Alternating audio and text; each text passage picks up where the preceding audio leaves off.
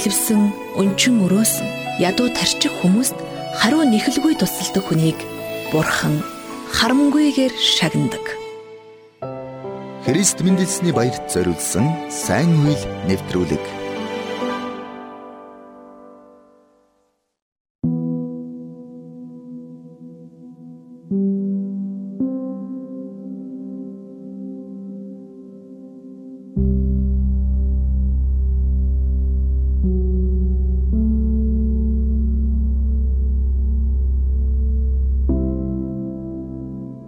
Библийн олон түүхүүдээс хүмүүс бурхантай уулзсан үйл явдал дээрээ үндэслэн бурхныг нэрлэж байсан.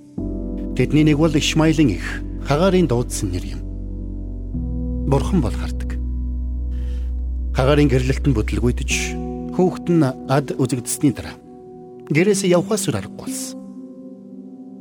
Түүний нөхөр болон тэдний гэр бүлийн ихэнд Хагаар болон түүний төрүүлсэн хөө Ишмаилийн талаар ямар ч төлөвлөгөө хуваалцах өв байгаагүй юм. Олон эмэгтэй амьдралд ийм зүйл тохиолдсон байх.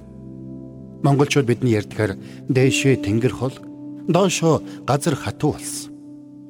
Хөөрхий хагаар хүүгээ тэрэн цүлд явж байхдаа өөрөөсөө илүү балчир хүүтэй санаа зовж байлаа.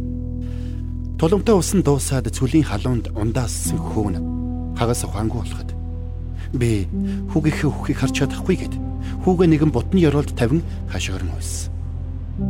Хэрвээ бурхан байдаг бол яг одоо надад туслаач гэж олон хүн хашгирсан байх. Хагаар тэдний л нэг байсан.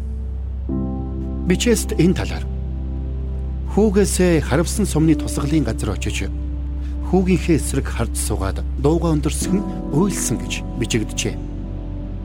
Харин бурхан бол байдаг үлээ. Хагаар урд нь бурхантай уулзаад тэр намайг харддаг юм байна гэж түүнийг нэрлсэн. Харин энэ удаа хүүгийнхээ төлөө болон өөрт нь тохиолдсон хувь тавилангийн талаар дууга өндөрсгөн уйлж байхад нь бурхан түүнтэй дахин уулзсан юм.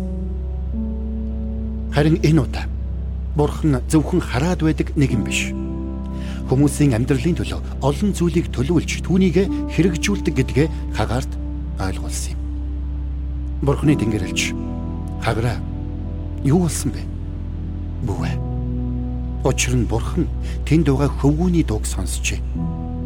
Бас хөвгүүнийг босгож гар дээр ав. Учир нь би түүнийг агуу үндэстэн болгоно гэж хэлсэн.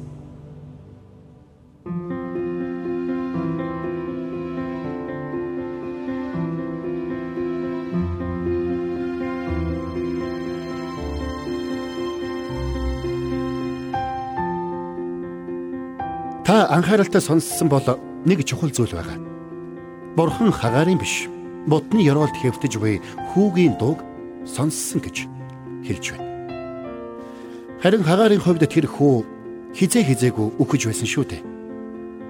Гэтэл бурхны хувьд тэр ирээдүйн агуу нэгэн үндэсний өвөг дээдс болох ёстой байж. Эндээс бид байгаа бүхний алдах, гологдож хөөгдөх цөхрөх гэсэн мэдрэмжүүд зөвхөн хүндэл байдаг гэдгийг мартаж болохгүй.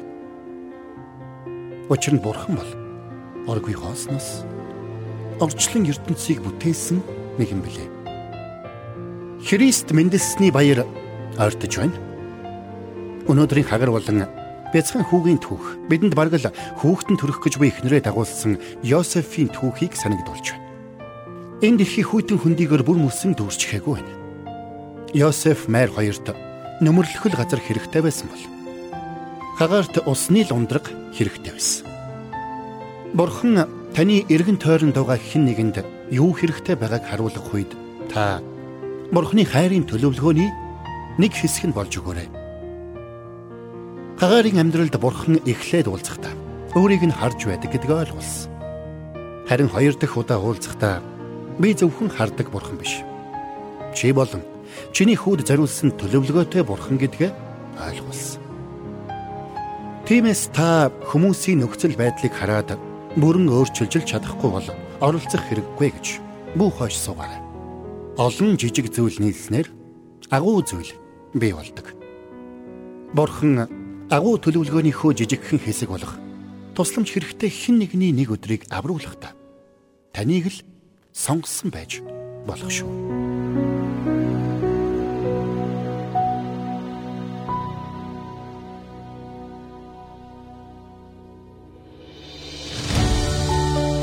Зовж үтсэн хүн зовлонг илүүгэн ойлгодог. Тиймдээж зовлон мэддэг хүн өөрийн баялгаа бусадтай хуваалцах нь бахархалтай зүйл юм. Бусдад өгдөг хүн бурхантай ойр байдаг. Христ мэндэлсний баярт зориулсан сайн үйл нэвтрүүлэг танд хүрлээ.